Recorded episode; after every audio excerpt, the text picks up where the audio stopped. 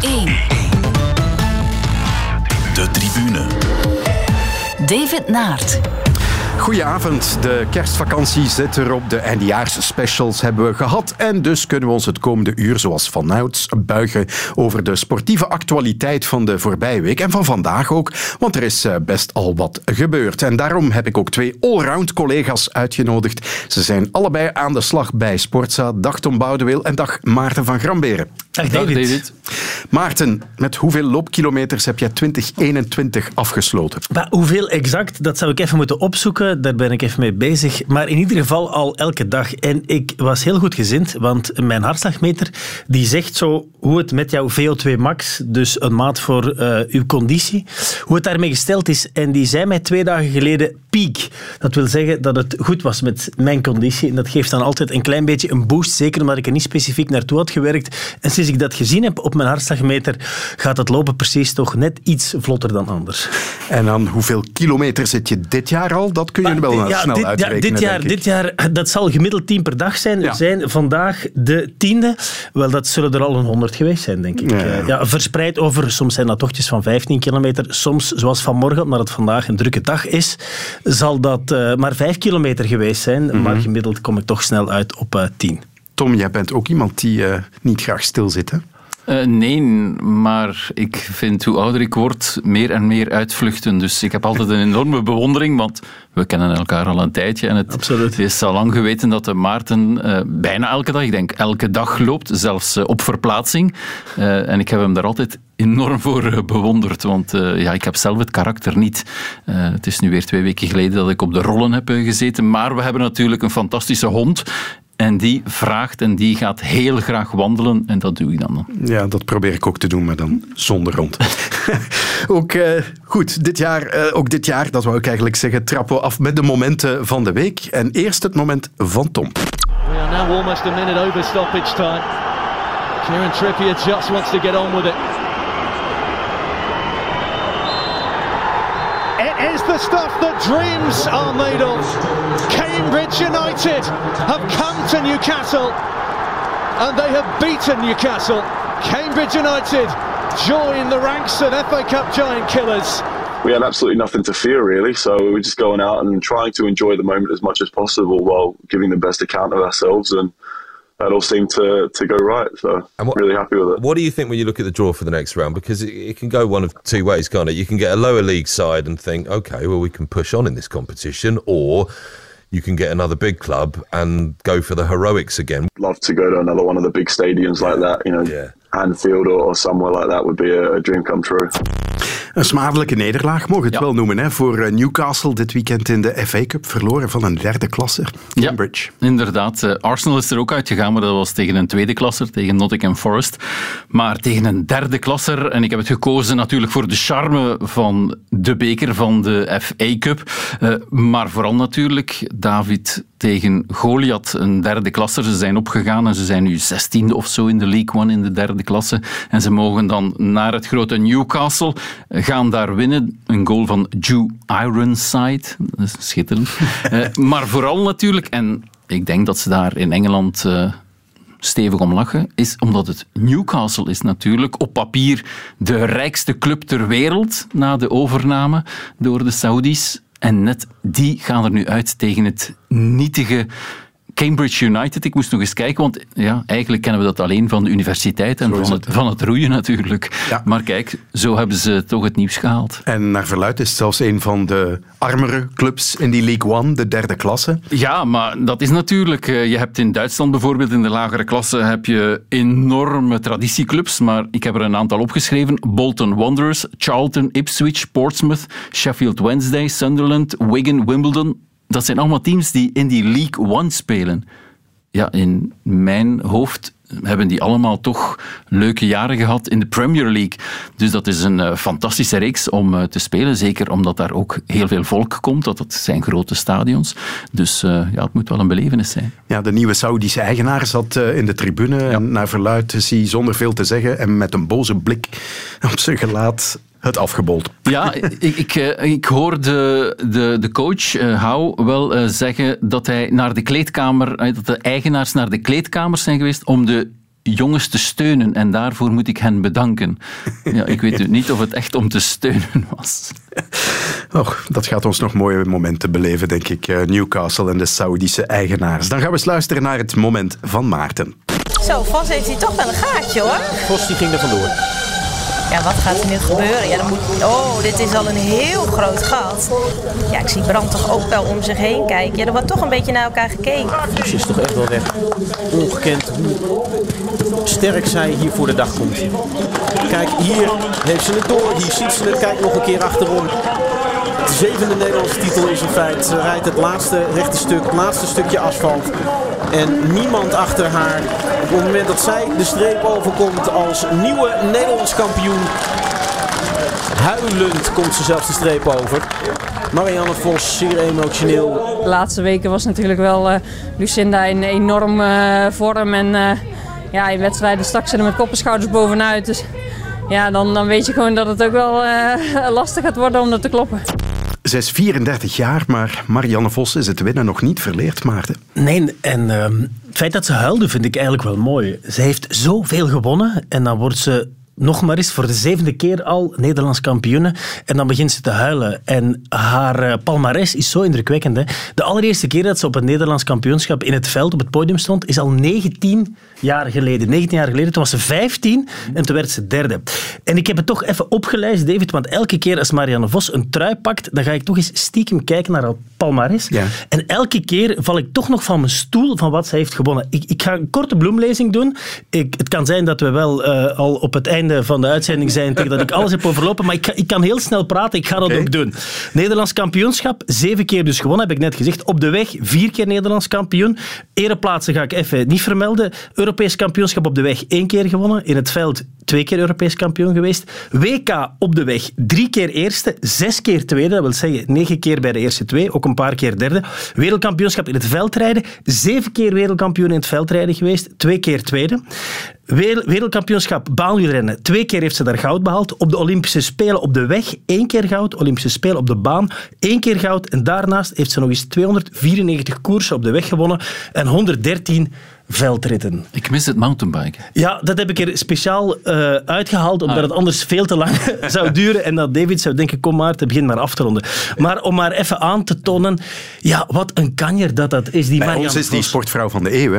Ja, en pas op, in Nederland... Nederland heeft wel een traditie met fenomenale sportvrouwen. Staat zij ook wel ergens bij de top drie. Hè. Het, is, het is onwaarschijnlijk. En dan hoor je haar in dat interview altijd even bescheiden, even nuchter, altijd even ontwapenend en ook nooit giftig voor haar collega's. Want remember, het wereldkampioenschap op de weg in Leuven, ja, daar eindigt ze als tweede. Was ze kapot van ontgoocheling? Hoe kwam dat ook weer? Omdat er toch weer twee ploegmaats van die Nederlandse ploeg, die nooit als ploeg rijden, dat die toch weer aan zichzelf hadden gedacht en die niet voor Vos reden. En daardoor verliest ze uiteindelijk die sprint. Maar dan achteraf geen enkel giftig woord voor die ploegmaats die niet voor haar hebben gereden. Dat typeert haar ook. Ik vind het zo'n grote sportvrouw die zichzelf blijft heruitvinden en die op haar 34ste nog altijd even goed is dan op haar 19e. Terwijl dat vrouwen veldrijden en wegrennen zo'n sprong heeft gemaakt de laatste drie, vier, vijf jaar. En zij blijft absoluut top. Ik, ik bewonder haar is echt een atleet naar jouw hart. Hè? Ja, toch wel. Toch wel. Eh, Kan het ook allemaal. Ja, ze kan het allemaal. Ze is zo polyvalent en zoveel jaren aan een stuk. Ik zei het 19 jaar geleden voor het ja. Dat is 20 jaar dat je, de absolute top, eh, dat je aan de absolute top staat. En in een sport die blijft evolueren. Je blijft mee evolueren. Ze heeft ook wel eens een burn-out gehad. En ze blijft daar staan. Chapeau voor eh, Marianne Vos. Zij is echt heel, heel, heel, heel groot in wat ze doet. De tribune. Vooraf was er veel te doen over het Belgisch kampioenschap veldrijden. En dan meer bepaald, is het met of zonder publiek? Finaal was het zonder publiek. En misschien maar goed ook, want bij de elite mannen viel er maar weinig te beleven. Met dank aan de winnaar natuurlijk. We zijn klaar voor die start. Tussen de blokken van Kamp Lombardzijde. Hoe snel wordt die fusée van aard weggeschoten? En we zijn weg.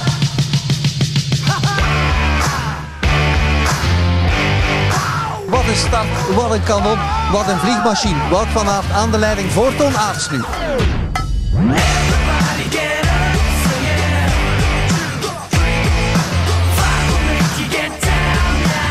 Ai, ai, ai, ai, oei. Is het vogeltje nu al vliegen? Nou, vlogen vogel.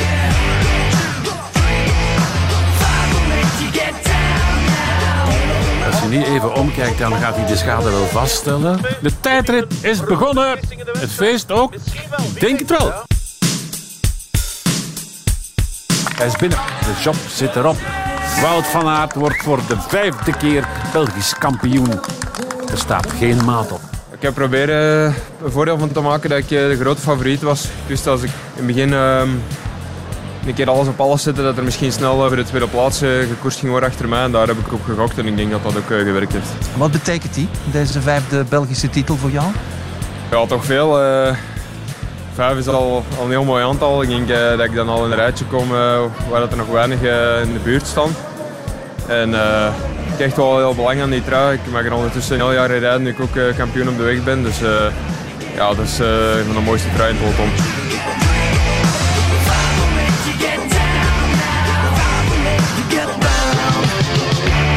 Ja, Maarten, dat Wout van Aert te sterk ging zijn voor de rest, ja, dat wisten we natuurlijk. Maar zo snel en zo'n kloof.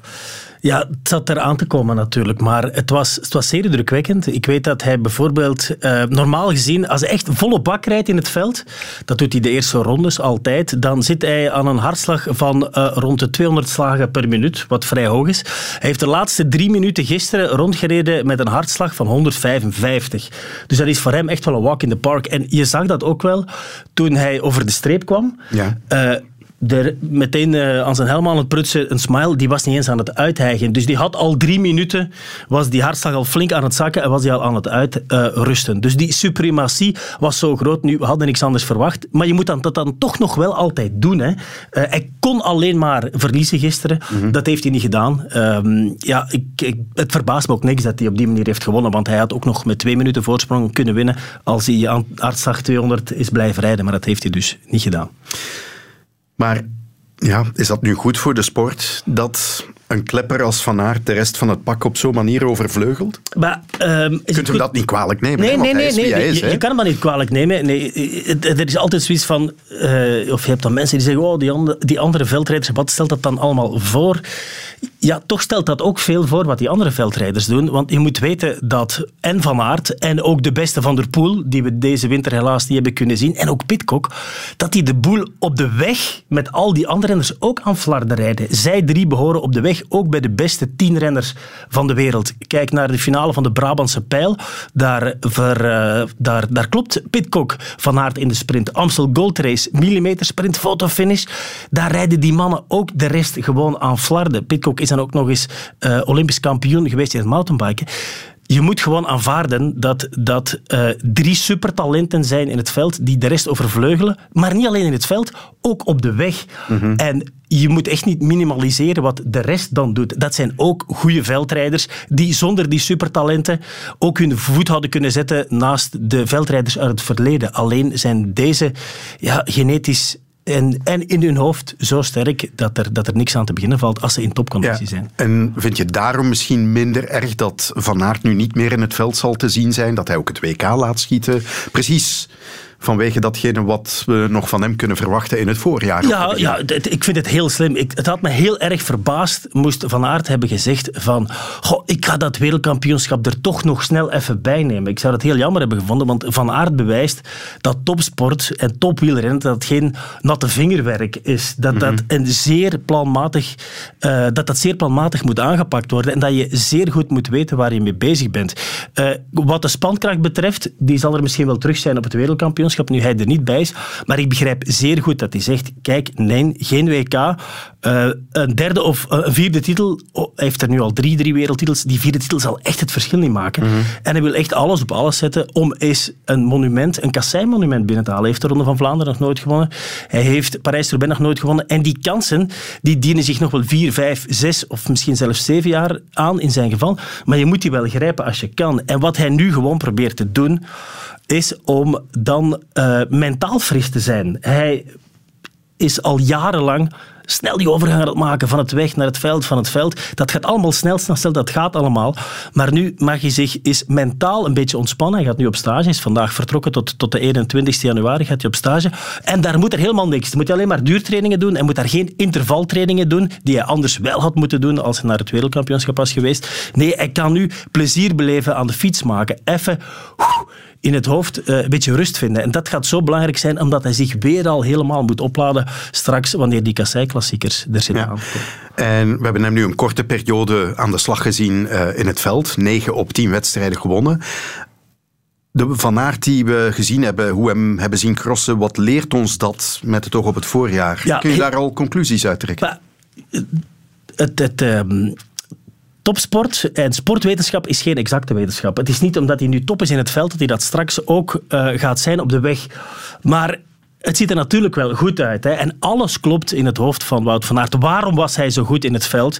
Omdat er de voorbije jaren altijd wel iets was. Er waren die perikelen met zijn contract, is van ploeg veranderd.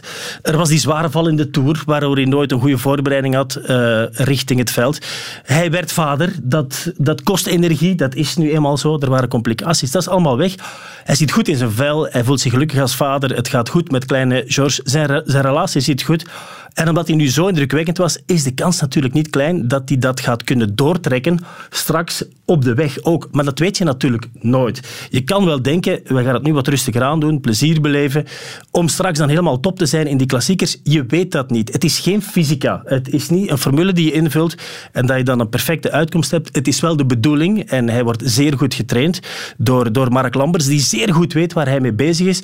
Het is wel de bedoeling om net iets frisser te zijn straks en om op de oude Quaremont, als de boel daar echt ontploft, om wel mee te zijn. Hè. Maar kan je nu al zeggen, dit of dat, dat, dat weet je niet. Misschien valt hij wel ergens in een van die koersen en moet alles herbekeken worden. Maar als hij gezond blijft, als hij fit blijft, um, het is niet dat hij nog 5% beter gaat zijn in vergelijking met de voorbije jaren. Dat gaat misschien 1% zijn. Mm -hmm. Maar als hij fit blijft, ja, dan ziet het er natuurlijk wel, wel zeer goed uit. Daar moeten we niet flauw over doen. Maar uh, de, het veldrijden is dat een basis voor uh, het, het, het, werk op de weg? Want hoe moeten we dat inschatten? Wel, dat, dat, is een beetje een kruisbestuiving, denk ik. Het is zo, vaak denken renners vandaag de dag dat je explosief wordt door in het veld te rijden. Ja. Uh, kijk naar de mannen die, uh, die uit het veld komen. Alaphilippe komt uit het veld, Sagan komt uit het veld, ja. Pogacar heeft ook een veldrit gereden, heeft vroeger ook aan veldrijden gedaan.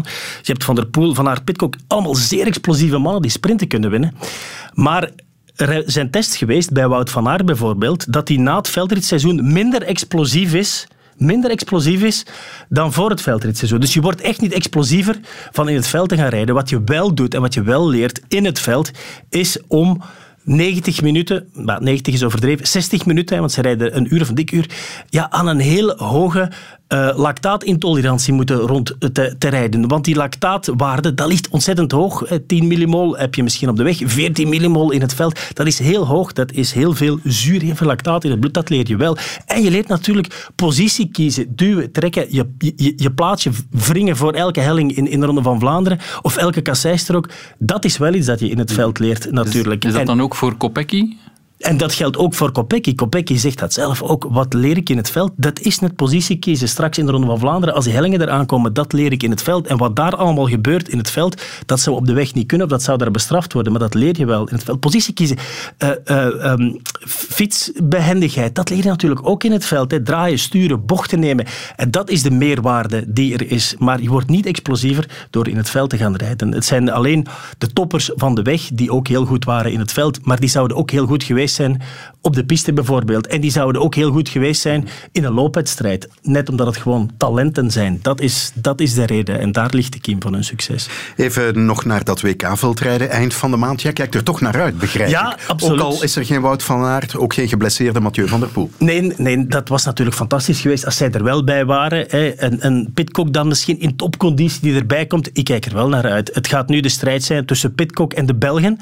En laat ons toch vooral ook Eli Iser biedt niet onderschatten. Hè, want er wordt nu misschien wat weemarig gedaan, uh, of meewarig gedaan, zo moet ik het zeggen. December is sowieso niet zijn maand, maar Hulst, vorige week, daar heeft hij een ongelofelijke strijd geleverd met Tom Pitcock, de Olympische kampioen mountainbiken.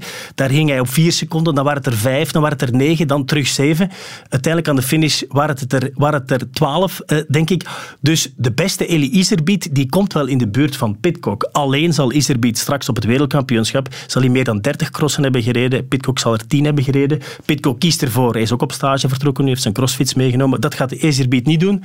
Iserbiet gaat wel nog de wereldbekers rijden in uh, Flamanville en in Hoogrijden. Dat dacht hij eerst niet te doen. Misschien wat te rusten, maar dan gaat hij wel rijden. Kiest voor een andere aanpak, want vliegen, ook al is het maar op stage, dat kruipt in jouw kleren. Vliegen, dat mag je echt niet onderschatten. Uh, hydratatietest, zelfs bij een Europese vlucht, merk je toch dat sporters, ook al hebben die heel veel gedronken, dat die heel slecht zijn als je ja. vliegtuig hebt genomen. Uh, Iserbiet zal geen vliegtuig nemen, dat gaat Pitcock wel doen. Um, in, principe, in principe zal Pitcock op zijn allerhoogste niveau zijn, maar onderschat, onderschat die hele Iserbiet toch maar niet. Ja, ik wil het ook nog hebben over het veldrijden bij de vrouwen. We hebben Marianne Vos natuurlijk al uh, bejubeld, maar het BK bij de vrouwen op zaterdag, ja, qua spankracht had dat amper meer te bieden dan de mannenwedstrijd. En het was uiteindelijk Sanne Kant die voor de dertiende keer mocht zegevieren. Ik denk uh, dat ik elk jaar iets meer uh, belang aan begin te hechten. Het is een tijd geweest dat het allemaal vanzelfsprekend was, maar ik denk dat dat minder en minder wordt. Het is gewoon heel straf dat al, al 13 jaar eigenlijk dat er niks, niks van pech of zo komt bij kijken of, of een slechte dag. Want je moet maar eens één keer hard vallen of kettingen wegrijden of lek rijden en, en een trui kan weg zijn. En dat begin ik ook zelf meer en meer te beseffen. Dus uh, daarom apprecieer ik het ook wel meer, of elk jaar wel iets meer, dat ja, dat blijft lukken. Is de kloof met de top nog de dichting? Goh, ik denk uh, als we de laatste weken bekijken en dan begin ik zo te denken vanaf Rukven. Ja. Ik was met in de monden en zo, uh, nu in Herentals. Ja, ik denk echt, uh, ik, zit, ik zit op zich echt niet ver van het podium meer af. Ja, waarom zou die kloof niet te dicht zijn? In het land der blinden is één oog koning en één oog is Sanne Kant, hè, al sinds jaar en dag. Ja, het was een beetje saai om naar te kijken. Het Met alle respect natuurlijk voor haar prestatie. Ja, ja ook, absoluut. Het, het, het, was een beetje saai om naar te kijken. We hadden misschien op wat meer uh, weerwerk gehoopt. Er is uh, twee ronden was het nog spannend, want uh, ze liet zich niet opjagen door een kanonstart van Lotte Kopecky. we hadden op meer gehoopt, maar helaas is het nog altijd heel mager wat het vrouwenveldrijden betreft. Maar dat betekent niet dat we de prestatie van Sanne Kant helemaal moeten minimaliseren. Ook dertien keer uh, Belgisch kampioen worden. Mm -hmm. Je moet het maar elk jaar doen en daar elk jaar staan. Ook al is die concurrentie misschien niet elk jaar even groot. Ze doet het wel. En ze heeft ook een punt, vind ik. Hè. Ze zegt uh, het verschil met de absolute top. Ze zit in de herfst van haar carrière. Dat is duidelijk. Haar absolute topwaarde, die haalt ze net niet meer. Ze heeft er wel ervaring bij gekregen. Maar ze komt wel dicht ten opzichte van die Nederlandse toppers in Herentals. De cross in Herentals. Daar wordt ze vierde. Daar eindigt ze vlak achter uh, Worst, de Nederlandse. Maar ze had daar ook wel pech. En als de kampioenschappen eraan komen, en zeker de wereldkampioenschappen, dan kan zij toch nog net altijd ietsje meer. En in het allerbeste scenario kan ze straks nog wel altijd op het podium staan op het WK bij uh, de vrouwen. Want de, toch ja? Uh, toch geloof jij daarin? Ja, dat, ja, dat kan. Men, mensen schrikken misschien mee. Je moet eens het podium kijken in Herentals. Uh, Worst eindigt net voor haar, omdat ze ook pech had. Anders wordt ze wellicht derde. En um, Betsema eindigt voor haar. En Lucinda Brandt, de wereldkampioene. Ze was daar heel dichtbij. Dendermonde reed ze ook een hele goede cross. Als die kampioenschappen eraan komen, dan wordt ze altijd stukken beter. En je moet vooral weten dat een paar van die Nederlandse topvrouwen, Shirin van Anrooy, Fem van Empel, Puk Pietersen, die top zijn bij de vrouwen, want die rijden in open categorie, die rijden een apart wereldkampioenschap. Dus die drie vallen al weg. En dan kan er in een allerbeste scenario kan er net wel nog een podiumplaats voor Sanne Kant. En dat is eigenlijk het enige waarom ze nog echt cross heeft. Alle klassementen gewonnen. Ze is drie keer wereldkampioen geweest, dertien keer Belgisch kampioen. Toch nog proberen op dat podium te staan op een wereldkampioenschap. Dat is hetgeen haar drijft. En het is een diesel. Ze begint altijd traag aan het seizoen. En naarmate het seizoen vordert, wordt ze altijd beter en beter. En zij heeft dat nodig, die trigger van een kampioenschap, om om zichzelf nog een beetje te overstijgen. En de kans is er echt wel dat ze toch nog op dat podium staat. Ik zeg niet dat de kans reuze groot is, en ze is uiteraard al veel mm. groter geweest, maar het is zeker niet onmogelijk. En waar blijft de opvolging? Dat is een hele goede vraag. Um, daar moeten we op wachten. Vorig seizoen uh, hebben we het daar heel vaak over gehad in het veld. Er zijn verschillende project, projecten begonnen, uh, opgestart om die instroom te verhogen. Hoe groter de vijver is waaruit je kan vissen, hoe groter dat de kans bestaat dat daar een toptalent in zit. En de Wielerbond Sport Vlaanderen, ehm, de Wielerbond Vlaanderen, ze zijn daar echt wel mee bezig met projecten om meer vrouwen naar het veldrijden te krijgen. En dan kan je altijd de vraag stellen, ja, maar in Nederland dan? Ja, dat is waar, maar in Nederland is er al veel langer een wielercultuur wat vrouwen betreft. Uh, Leontien van Moorsel was een absolute toprenster. Zij heeft al heel veel rensters geïnspireerd. En dan was er natuurlijk diegene waar we het er net al over gehad hebben, Marianne Vossen. Dat is al twintig jaar geleden dat zij er dingen deed waarvan iedereen dacht, wauw, wat doet die Marianne Vos? Eh, in 2006 is ze voor de eerste keer wereldkampioen geworden. Dat is intussen 17 jaar geleden wereldkampioen op de weg. Ja, zij heeft een hele generatie geïnspireerd. Al die jonge rensters, de, de, de Puk Pietersens, de, de Van Empels, maar ook uh, oudere rensters, al van der Breggen destijds. Zij heeft die allemaal geïnspireerd. Dus daardoor is die instroom in Nederland, wat vrouwen en meisjes in het, in het wielrennen betreft, zoveel groter dan bij ons. En wij moeten die stap helaas nog zetten. Maar daar wordt aan gewerkt. Alleen gaan we geduld moeten hebben. En dat is bij al die projecten ook gezegd vorig jaar. We gaan minstens vijf jaar geduld moeten hebben vooraleer we de vruchten kunnen plukken van de inspanningen om meer vrouwen uh, op de fiets te krijgen. Ja, ik wil nog even bij het veldrijden en het wielrennen blijven. Om het over Mathieu van der Poel te hebben. Die zette vorige week noodgedwongen een punt achter zijn veldritseizoen. En vader Adrie zei er tijdens de cross afgelopen dinsdag in Gullegem het volgende over. Maar de rug is steeds hetzelfde, dus uh, hij doet daar zijn oefeningen voor, hij pakt zijn rust en voor de rest is gewoon afwachten. En morgen starten in Herentals, is dat een optie? Nee. Is het echt voor de langere termijn, denk je? Ik denk het wel, ja. ja. En hoe gaat hij er zelf uh, mentaal mee om? Ja, je kunt er niet anders zijn, je moet het accepteren. Hè. Ik bedoel, het is nou eenmaal zo en ik denk, uh, misschien is het wel heel verstandig om een hele grote revisie en gewoon pas echt gaan fietsen wanneer alle problemen van de rug zijn, van de rug weg zijn. En spreken we dan over maanden, denk ik? Denk het wel. Dat kan betekenen dat het voorjaar er aan is misschien zelfs. Zover niet. Kijk, uh, het, het, voorjaar, als je, het is nog een maand of drie, vier, naar april. Maar ik denk de eerste weken, wat ik een beetje kan inschatten, zit er nog niet in. Hey, wel, wel misschien strak gaan fietsen, maar van trainen is op dat moment denk ik nog geen sprake. Maar uiteindelijk, uh, dat is mijn persoonlijke mening. Hè, wat ik zie. Uiteindelijk uh, zal de ploeg, zoals in het verleden, daar verstandig mee omgaan en we wachten rustig af. Maarten, hoe groot zijn je zorgen over dat voorjaar van Mathieu? Het zou kunnen dat er, dat er geen voorjaar is mm -hmm. voor Mathieu van der Poel. Het zou kunnen dat hij wel goed is in het voorjaar. In ieder geval weet niemand op dit moment hoe lang hij oud gaat zijn. Uh, ze hebben bij de ploeg gezegd van, ze hebben het heel goed laten onderzoeken en structureels is er niks mis met de rug. Hij zal niet geopereerd moeten worden, daar is geen breuk. Maar waar ze wel van willen vertrekken, en dat hebben ze nu uh, definitief beslist. Mathieu van der Poel moet naast de fiets pijnscore 0 hebben wat zijn rug betreft. Dat betekent dat hij gewoon in het dagelijkse leven, wanneer hij die kranten uit de bus gaat halen, als hij dat al doet, wanneer hij uh, de geweldige uh, gehaktballen van zijn vrouw Roxanne opeet, die hele goede gehaktballen kan maken, dat hij nergens pijn heeft als hij de tafel dekt, afruimt of stofzuigt, dat hij, dat, dat hij niks voelt. Pijnscore 0 naast de fiets. En dan pas gaan ze beginnen opbouwen, want Van der Poel op dit moment traint echt niks. Helemaal niks. Die pijnscore moet nul zijn en dan kan hij beginnen.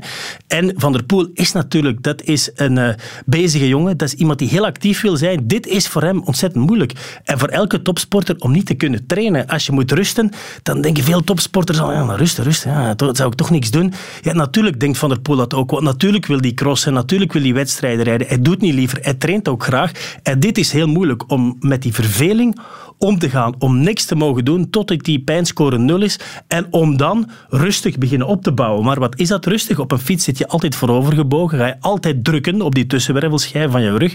Aquajoggen, rechtopstaande oefeningen, uh, dat soort dingen, die zullen misschien in het begin wel gedaan kunnen worden door Mathieu van der Poel, maar eerst moet de pijn helemaal weg zijn en dan kan er opgebouwd worden.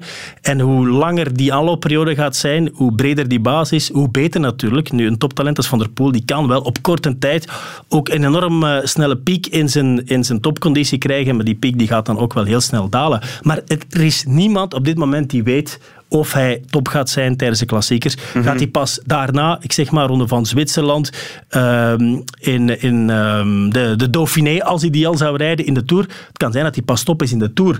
Maar ze hebben nu wel iets gehad van, kijk, we hebben zes maanden gesukkeld met die rug.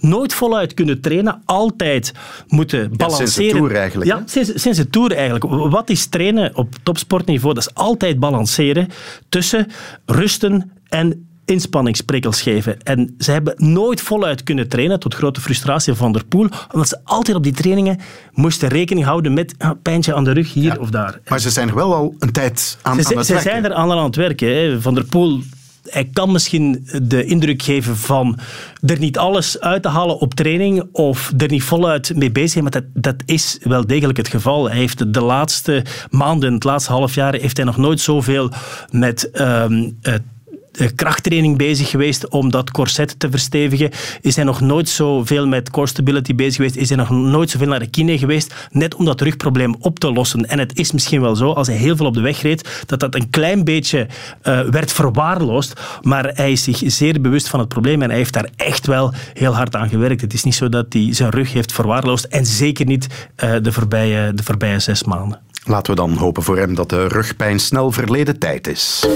De tribune. En mijn gasten zijn sportzaakcollega's Tom Boudeweel en Maarten van Gramberen. Het sportnieuws in het begin van dit jaar komt uit het tennis en Australië. Het visum van Novak Djokovic werd vorige week ingetrokken. Hij moest het land uit, maar Djokovic ging in beroep. En in afwachting van een uitspraak moest hij in een quarantainehotel verblijven. Die uitspraak kwam er maandagochtend Belgische tijd. This is Nine News with Charles Croucher. Good evening. World number one tennis player Novak Djokovic is free to play in the Australian Open after a stunning victory at the federal court moments ago. A judge finding the decision to cancel his visa was unreasonable, ordering his immediate release from detention. Tom, heb je de saga op de voet gevolgd? Uh, je kon niet anders, denk ik. uh, omdat ze van overal kwam, eigenlijk. Uh, en het uh, meest bizarre vond ik nog de hele klan Djokovic, die hem vergeleek met Jezus en gekruisigd worden. En ja, het werd allemaal een beetje gek, vind ik. Maar inderdaad, je hebt het gevolgd omdat het toch de beste speler momenteel is. En omdat hij opnieuw naar die Grand Slam wil halen en toch wat records wil breken. Dus daarom is er ook zoveel aandacht aan besteed, denk ik. Ja. Heb je er mening over of je het land nu wel of niet in mag? Of denk je van, oh, laat de Australische politici dat maar... Ik zou dat de tweede verkiezen, inderdaad. Uh, maar ja, wij, ik denk dan toch, uh, weten daar niet alles over. Nu is er uh, vanmorgen ook wel het een en ander naar buiten gekomen over qua data. Um, ja, en dan denk je toch van, hm, klopt dit wel allemaal? Als hij, wat is het, de zestiende positief getest is, als hij de dag daarna naar het basketbal is geweest, dat hij de dagen daarna nog andere dingen heeft gedaan zonder mondmasker, mm -hmm. ja, dan vraag je je toch af, is dit uh, wel waar?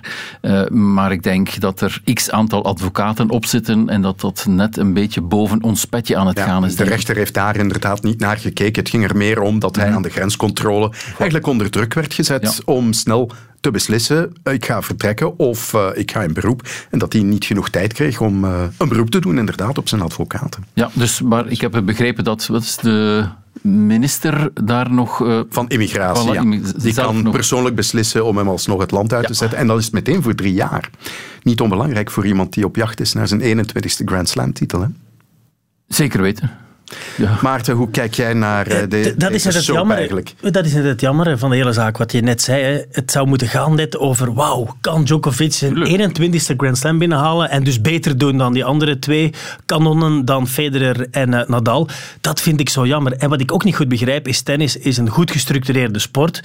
En dan laat je iemand komen en dan mag die het land niet binnen. Ik bedoel, als wij naar de Olympische Spelen gaan, dan weten wij perfect wat we allemaal in orde moeten brengen om het land binnen te mogen. Zo moeilijk is dat niet. Dan heb je een hele entourage en dan lukt dat niet voor de beste tennisspeler van de wereld. Hij heeft zich ook laten leiden door de Australische Tennisbond, hè? Ja, die geïnformeerd ja, blijkbaar wel. En, dat en de rechter wel. zei blijkbaar ook aan, aan de regering, ik snap niet wat meneer Djokovic nog meer had kunnen doen. Nee, dus, voilà, ja. ze spreken elkaar ook tegen. Dat is toch niet moeilijk? Ik bedoel, ja, het is wat... ook een spel tussen de federale regering en de deelstaatregering van Victoria. Politiek spel. De premier is liberaal, ja. de premier van Victoria is een socialist. Dus dat en er zijn verkiezingen uh, in uh, maart voilà. in Australië. Nee, maar, maar ja. dat vind ik jammer. Ik bedoel, het zou echt moeten gaan over... Is hij nu de allerbeste tennisser ooit als hij voor de 21ste keer mm -hmm. een Grand Slam zou kunnen winnen? Hoe is het met hem? Want, want ja, ik vraag me nu wel af, gaat dit hem extra motiveren? Of heeft hij nu echt wel belangrijke trainingsdagen verloren? Voilà. Voor, een renner, voor een renner zou dit al uh, redelijk destructief zijn wat zijn conditie betreft. Hij zat daar in een slecht hotel, heb ik begrepen, Heeft hij daar wat kunnen trainen?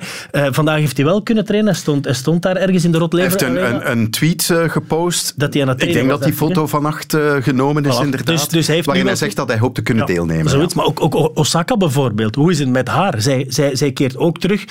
Dat soort verhalen persconferenties. Wat? En geeft ook weer geeft, persconferenties. geeft ook weer persconferenties waar ze ooit is op afgehaakt. Wel, ik, ik zou liever hebben dat het daarover gaat dan of een speler al dan niet een, een, een land binnen kan. Ik vind het altijd jammer dat, dat, dat het sportieve overstegen wordt door, door dat soort dingen die eigenlijk absoluut op voorhand vermeden hadden kunnen worden.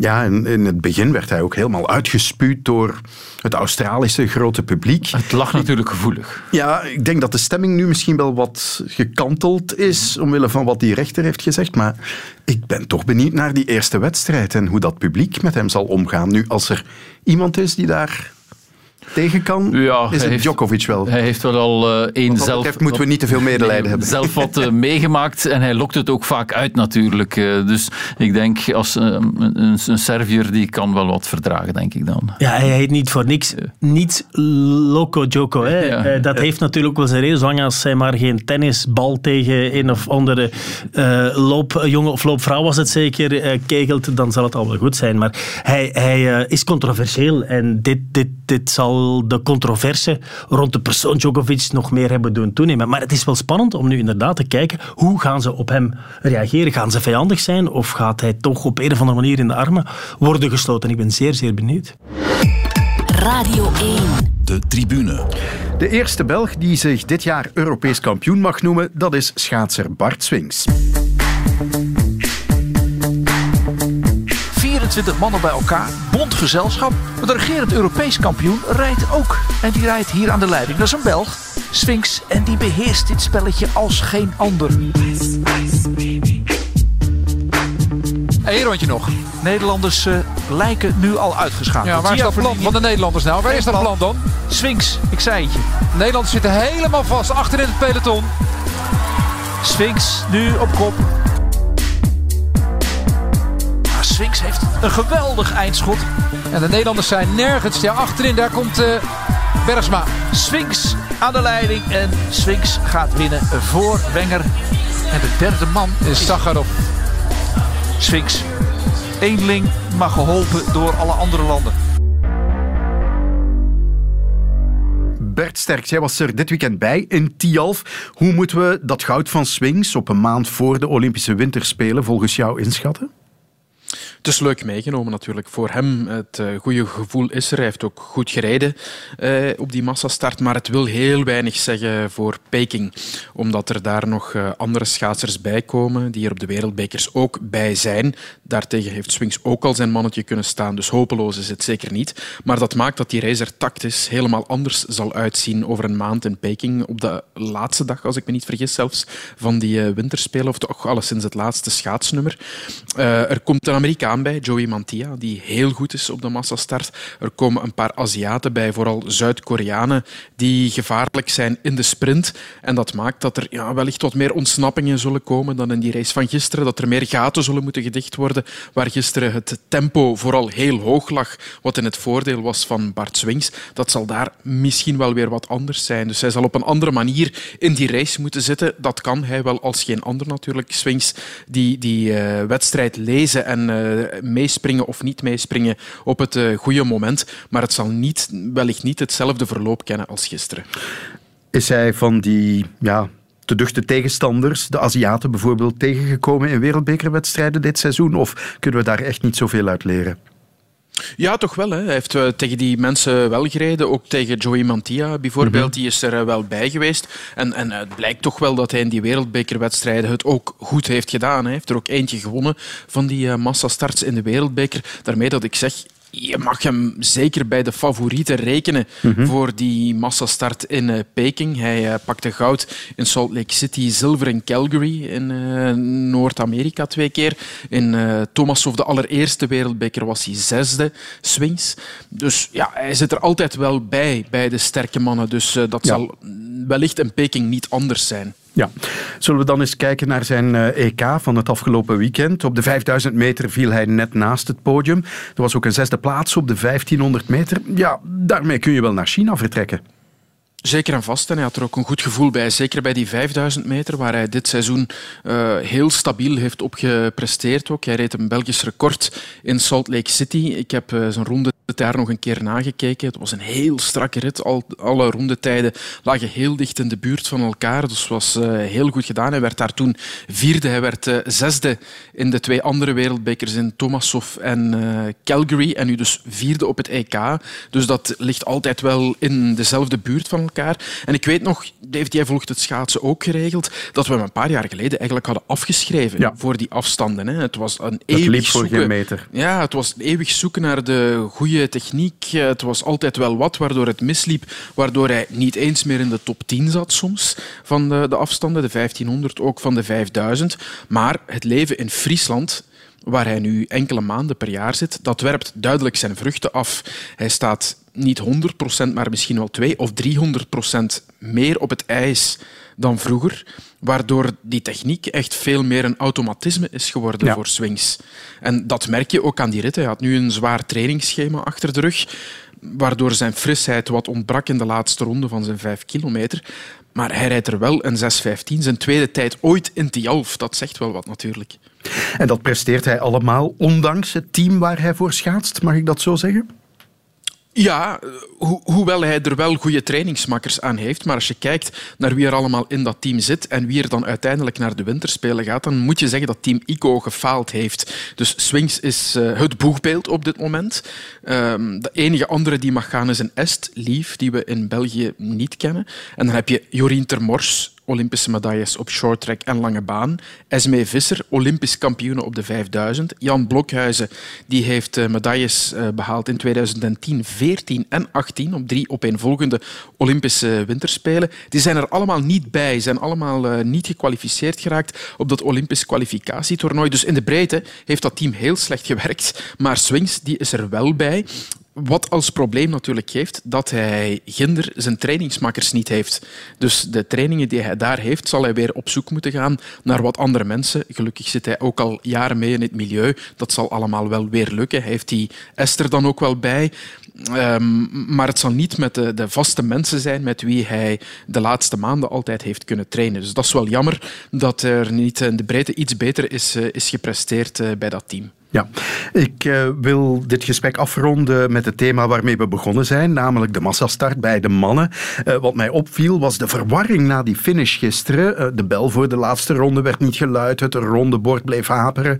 En vandaag lees ik bij de NOS dat het echt heisa is in dat Nederlandse kamp, want ze hebben dan wel ongelooflijk veel medailles gewonnen, maar in Peking gaan ze niks passen, pakken liever op de massastart bij de mannen. Dat, dat zegt de coach van Jorrit Bergsma.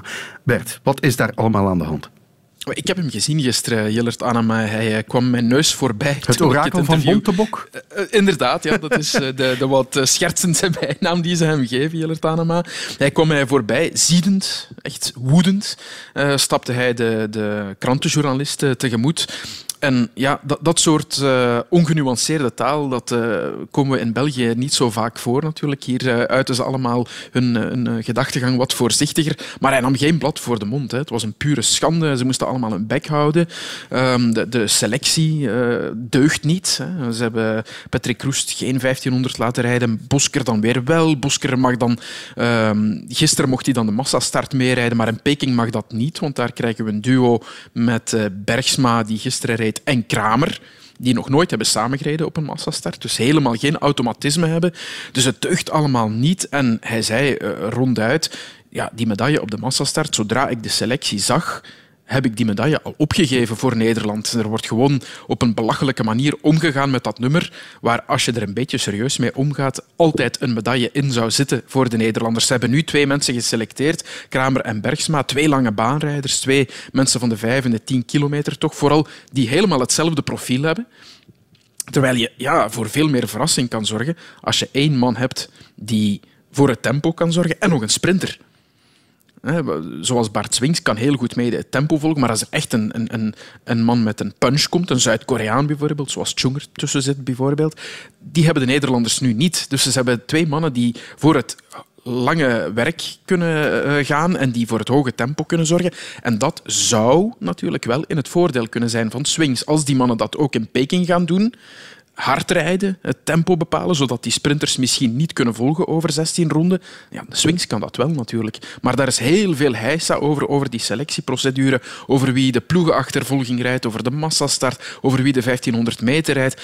Het is het veldrijden van België, maar toch nog wat groter dan hier, denk ik. Dat is de luxe van een kamp met veel winnaars. Bert Sterks, dankjewel.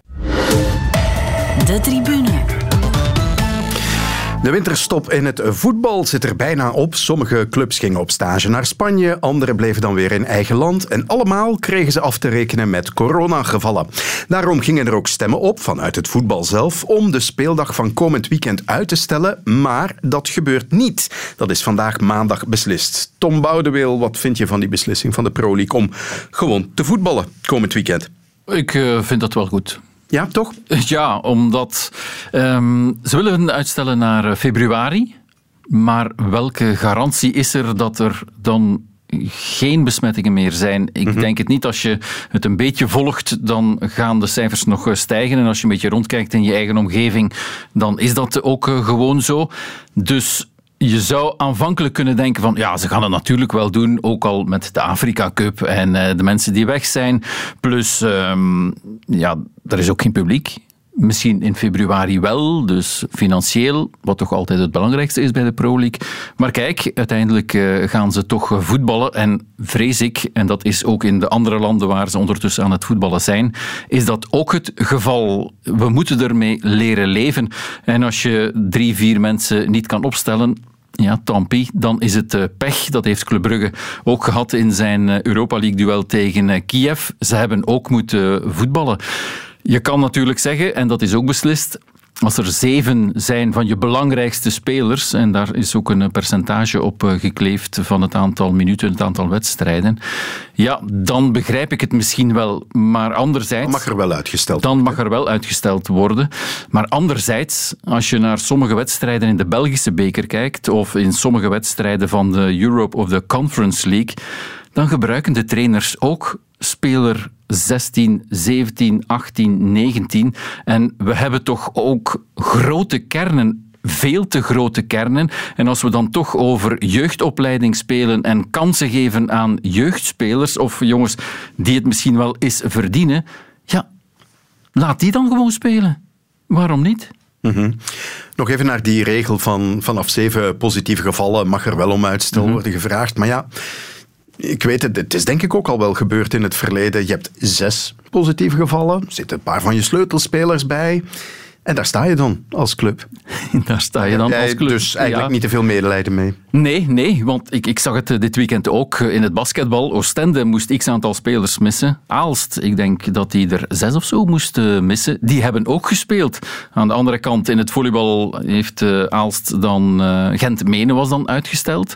Dus ja, ik vrees dat we er zullen moeten mee leren leven op alle niveaus, in alle sporten. Dus het zal zo moeten zijn, denk ik. Ja. Als we van het professioneel even naar het amateurvoetbal uh, gaan, waar jij ook redelijk goed uh, thuis in bent, uh, daar wordt er nog even niet gevoetbald, mm -hmm. ook omdat er geen toeschouwers langs de lijn mogen staan. Mm -hmm. Maar ja, hoe is het ondertussen in dat amateurvoetbal? Hoe zwaar weegt die situatie op de clubs en de clubkassen? Ja, heel zwaar natuurlijk. Omdat je, je komt uit een seizoen waar je vijf wedstrijden hebt gespeeld. Je hebt het probleem met het lidgeld van de jeugd bijvoorbeeld, waar veel mensen naar vragen.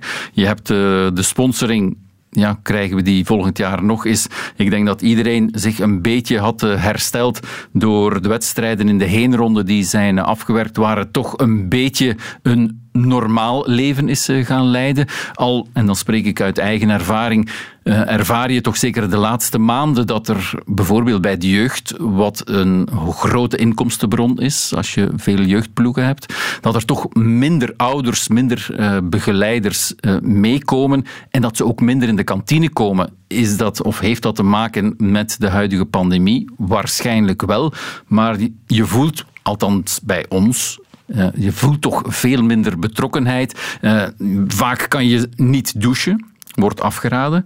Dus ja, dan ga je als ouder misschien ook wel sneller het kind gaan ophalen om het thuis te gaan laten douchen.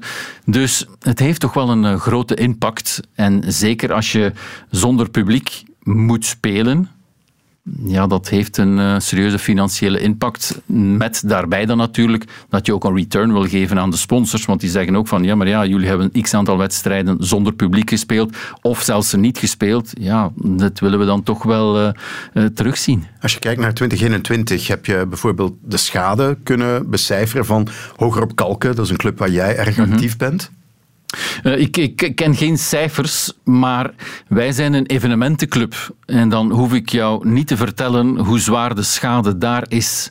Evenementen, mosselsoepers, voilà, dat, soort, dat ja. soort zaken. Bijvoorbeeld, onze grootste inkomstenbron is Kalken Kermis, omdat dat, ja, Kalken is een klein dorp, omdat het nog zoals vroeger gewoon gaan als de beesten is. Ja, de tapkraan open en let's go.